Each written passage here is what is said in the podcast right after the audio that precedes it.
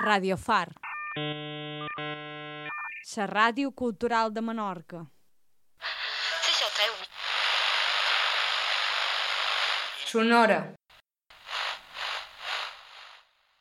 Llavors anaven a aprendre un ofici. No anaven a...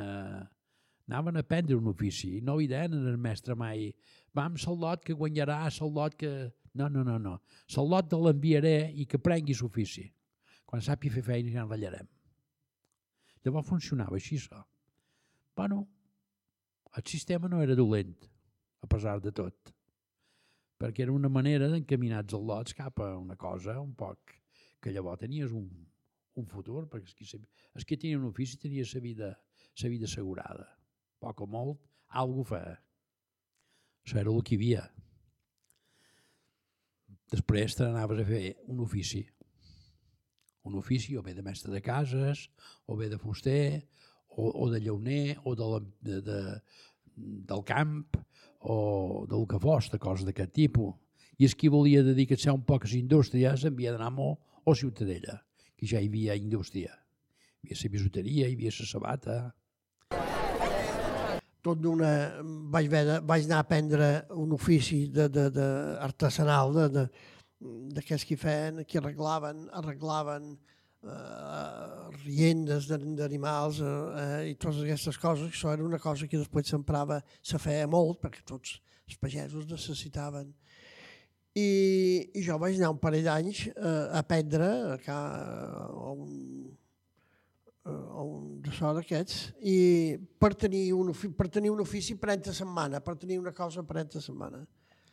Vaig fer dos anys allà, d'aprendre, no vaig guanyar ni un cèntim en tots els dos anys, uh, ni, ni, un, ni, un, ni un balló. Vaig fer amb un germà meu que fa que tra cantons a Vina Calcits, una pedrera que hi ha, i fer un parell d'anys amb el germà. i em vaig casar, em vaig casar i vaig venir cap aquí i després d'ençà he fet... no. Després em vaig fer feina amb en Salom l'Ajuntament me crida vaig, vaig, vaig anar a l'Ajuntament i vaig fer vaig fer 25 anys d'Ajuntament de Mercadal, l'Ajuntament. Vaig fer 20 anys de barrendero en el Mercadal. I vaig estar molt content perquè m'apreciaven i encara m'aprecien. Vaig anar a fer feina a, a, a un fort de calç. A l'escamí de, de, de, de l'escola de noves, l'escamí de Fornells, allà. Vaig fer un, any, un parell d'anys allà, després me vaig anar amb un mestre de cases. He fet molta cosa, jo. Després em vaig anar amb un collant amb Paco Solom, mesa de cases. Després que va acabar, aquella no tenia, vaig anar i tant d'anar. Em vaig anar al toro a treure lloses amb un home del Mercadal. Emilio Sales, son pare era s'esperter i, i tenia la botiga aquí on viu un Emilio, però centrada davant la farmàcia de vora el pont, allà, allà era, i els, els pagesos hi anaven molt, perquè hi havia de tot. Només que sabata d'aquest tipus rústic, i a barques i coses així, a part de les de Can Carmelo. I mon pare va començar a fer les primeres cisternes de Mercadal. Que era. I els pagesos quan venien a Can Nostra deien Sebastià, la cisterna que sigui grossa. I mon pare dirà, mireu, la cisterna no pot ser grossa mentre no tinguem una casa molt grossa, perquè si tenim una casa de 80 metres quadrats, només replegarem aigua dels 80 metres quadrats i molta, o de tirar les primeres aigües perquè es faci net. I després que pensau una, una cosa, que eh, a Menorca eh, tenia una estadística, un sol poble de 600 a 700 litres d'aigua cada any. D'aquests 600 o 600 en replegarem 400 només comptau, no podem fer una cisterna de 30 tonelades si només en replegarem 20. I tothom va fer cisternes, fer cisternes. Però també tenia un inconvenient, que com que no hi havia ciment, eren molt mals d'impermeabilitzar. I tenien filtracions. I jo he entrat, he entrat molt, de, de moltes cisternes que ses, sobretot si tenen arbres dins sort, les arrels han entrat dins les cisternes. I és per això que hi va haver uns anys que hi va haver una epidèmia de tifus, que se'n van morir 4 o 5 a Mercadal de tifus, i eren de cisternes contaminades, perquè hi anava tot el desvàter, hi anava tot, se mesclava tot i anava dins la cisterna. Mon pare feia pous i cisternes i comprava de, de so, dinamita, i, i la rebien i llavors ell ho preparava i això, i ell davallava dins els pous i si hi havia penya havien de posar dinamita i, i posava la metxa o encenia i un de dalt, quan ell deia foc, el pujava. Una vegada hi va fer molt prop, que ell no ho sentia o estava entretengut, i ell venga a cridar i veia que allò ja, ja anava cap allà, li va venir ben just. Just va ser dalt, ja va explotar. Ben igual que Saigo, Saigo, mm, vam, ara me ve record de Saigo, Saigo corrent com coneixem ara, és una cosa molt nova, vull dir, és una cosa de molt pocs anys. Després hi havia cisternes, es qui en tenia, hi havia gent que no en podia tenir de cisterna, que no en tenia. Hi havia d'anar a comprar aigua. I compraven aigua, passava un senyor amb una bota d'aigua i venia poals d'aigua.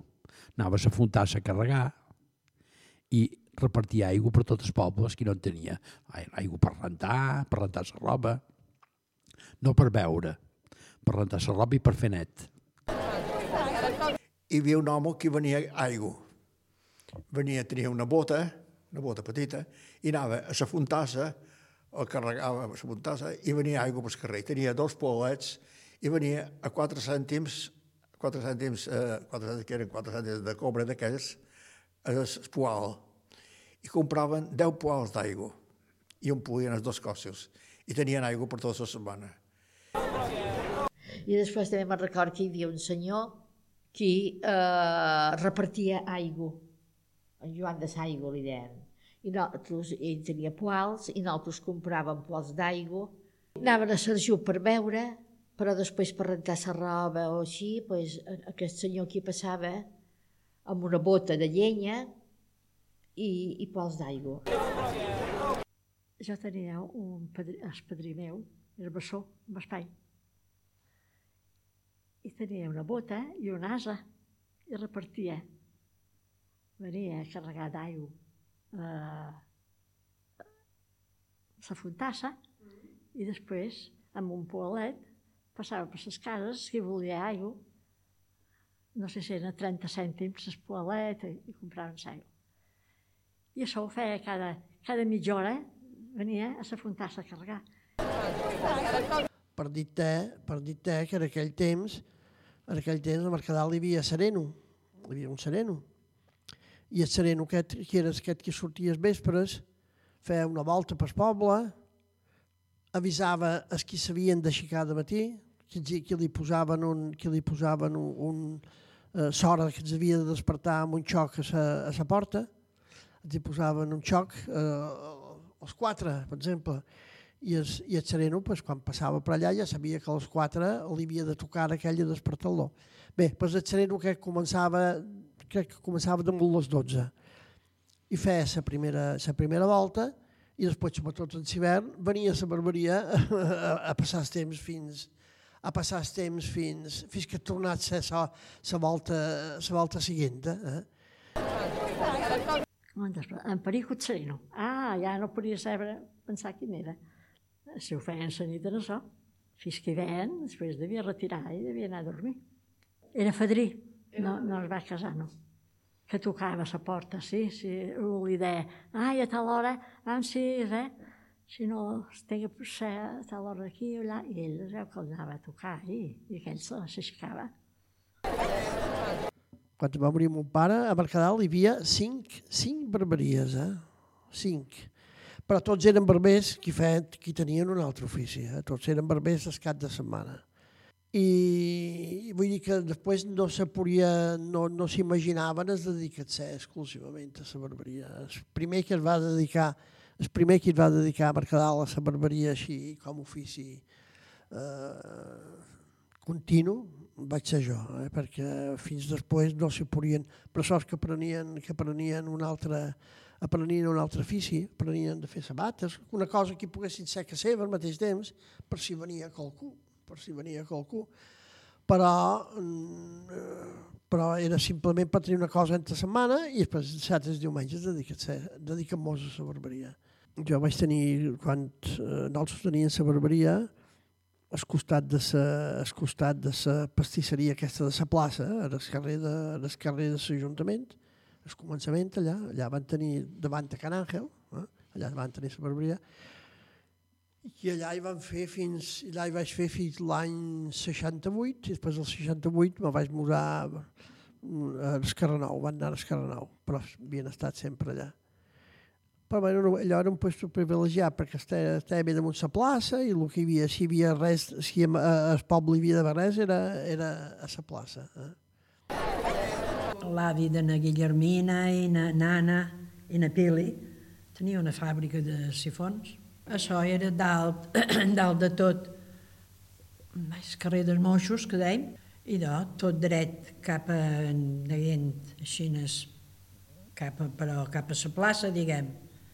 Tot dret hi havia una cotxeria gran i allà que ell feia sifons i, i, i, i de sona i llimonada i feia...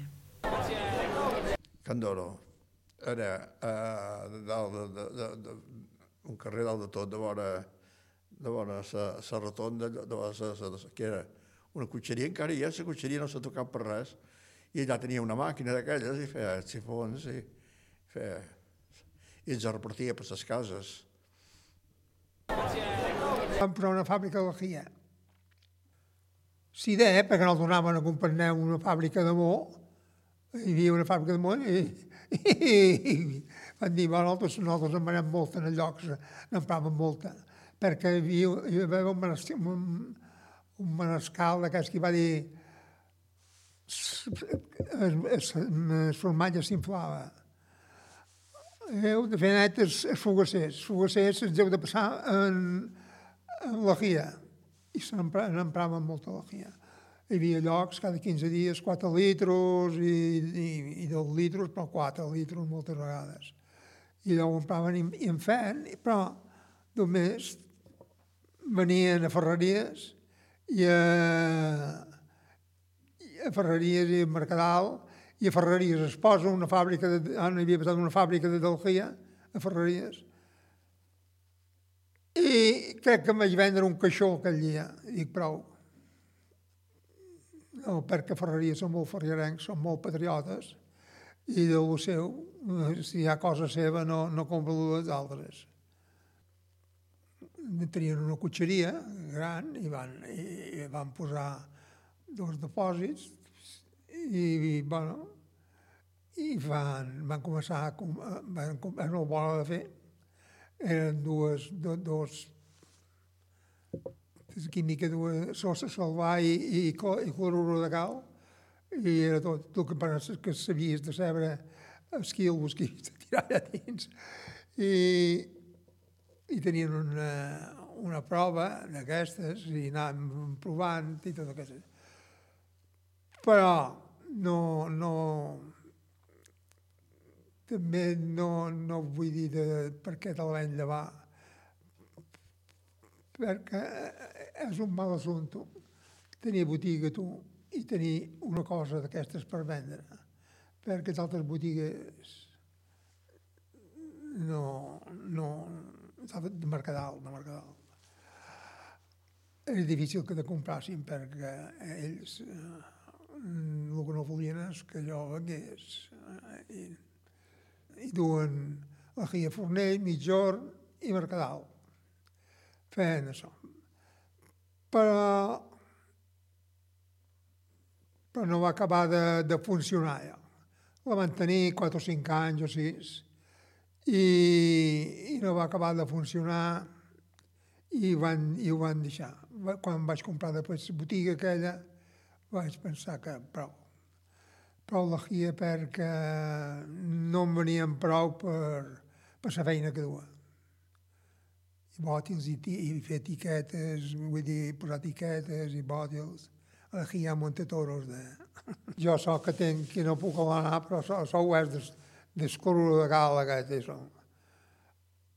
I que, bueno, era, era molt fort, era una cosa molt forta, però allò tenia un depòsit de 500 litres. I,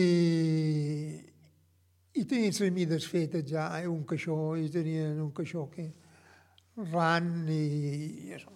I després allò ho remenaves durant, durant, no sé, dues hores o... I ja està, ja allò ho deixaves posar, se posava el blanc aquell, se, tot es posava i, i després amb un tubo ho, dins, ho posaves dins un altre depòsit, net, es net, i amb un grifo omplia els bòtils. Jo he vist dues indústries, només he vist dues, dues indústries, que era una indústria de complements eh, electrònics, que era de Can Manques, de Mo, que va venir a posar aquí davant mateix, una cotxeria gran, i tenia 15 o 20 persones que feien complements per a les màquines d'aquell temps. I després en van posar una altra de teixits. I hi havia, allà hi havia 30 o 40 dones en, en teixidors. I també, però no, no, va, no, no va funcionar gaire bé. I la indústria no hi havia cap. Hi havia, hi havia un senyor de Mou que havia posat una fàbrica de formatge allà on estava el seu arròs, hi havia una fàbrica de formatges, la primera que hi havia a Mercadal. 35, 35 o 40 pessetes, pots pensar el que era. Fer un calçons. Era roba d'amo. Però en els 13 anys vaig fer els primers calçons amb mon pare. Va arribar a fer dos calçons cada dia. Però no, no comptis les hores que feia després, eh? Per anar al llit. A vegades eren les dues i a vegades eren per deixar-lo acabats. Perquè jo feia feina per un sastre, també vaig fer després. Quan van sentir que jo m'havia de, dependitzat jo tota sola, un sastre de, de l'O va dur roba i jo feia això. I per fer els calçons, que no que dos cada dia, va, havia de fer. Després hi havia dues germanes, aquestes també els he conegut, jo, que feien de roba de, de dona, aquestes. Perquè la Sofia meva, quan era més al·lota, hi anava i li deia, aquest, aquest vestit és de tal, tal dona, de tal puesto, i ella els repartia. I després li donava una poca cosa, perquè quan són joves el que volen és un poc de, de peces, eh? I l'altre dia m'ho deia, diu, oh, me'n venen record de, de, de, de l'aire, de, de l'aire li deien. Me'n venen record de l'aire, diu, me donava quatre peces i, i ella repartia la roba, quan la tenia acabada i planxada, la repartia. Li deia, sos d'aquesta senyora, és d'anar allà. Uh, nosaltres no mos donaven gaire per fer calçons, perquè 30, 35 pessetes o 40 per fer calçons Després no, no era tan car. Cosí a Can Antònia Emília, que feia calçons i americanes i servianes i això, i camies. I també, bueno, me va ensenyar, però jo no era el meu. Però, bueno, hi anava, perquè hi havia d'anar. Eh, I va arribar, en què no m'aixuques massa, fer calçons, però per fer feina, eh? Espai i Antònia, eh, calçons i camies, vaig arribar a fer perquè me va ensenyar la Tònia. I, però llavors va venir un senyor de Barcelona, bueno, que era mercadolenc que estava a Barcelona, i va posar la fàbrica de punt. Clar, va brindar més i quasi tot el poble, les al·lotes van allà, on es cosien, jo m'anava a màquina de tricotar i, i fèiem... Quasi tot el poble anava a la fàbrica. La fàbrica era aquí on la Pepita té els mobles. Primer va ser aquí on hi ha els municipals davant l'Ajuntament. Però llavors allò va resultar ser petit, allò se va engrandir i van anar a, aquí, on, és, aquí on la Pepita dels Mobles té eh, en el carrer de Mó, eh, el carrer que van a Mó, allà. Totes, quasi totes les olotes de Mercadal llavors van anar a la fàbrica. Sí, tot d'una, 30, 30 pessetes, el que eren pas més, eh? i assegurades. Però n'hi havia que no hi estaven i quan venien els, quan venien els inspectors, eh, per la porta de darrere em feien sortir un ranxo perquè... I nosaltres no mos pagava tot el mes, no, eh, de seguro. També mos llevava dies que quan va ser a cobrar de jubilats, a jo me van faltar dos anys, perquè, clar, i n'hi havia fet molt més, però, clar, si llevava dies, però no va així so.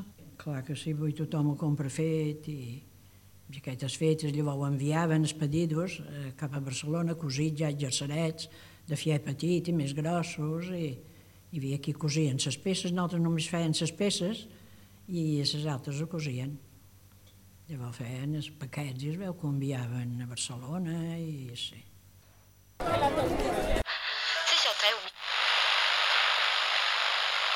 Sonora.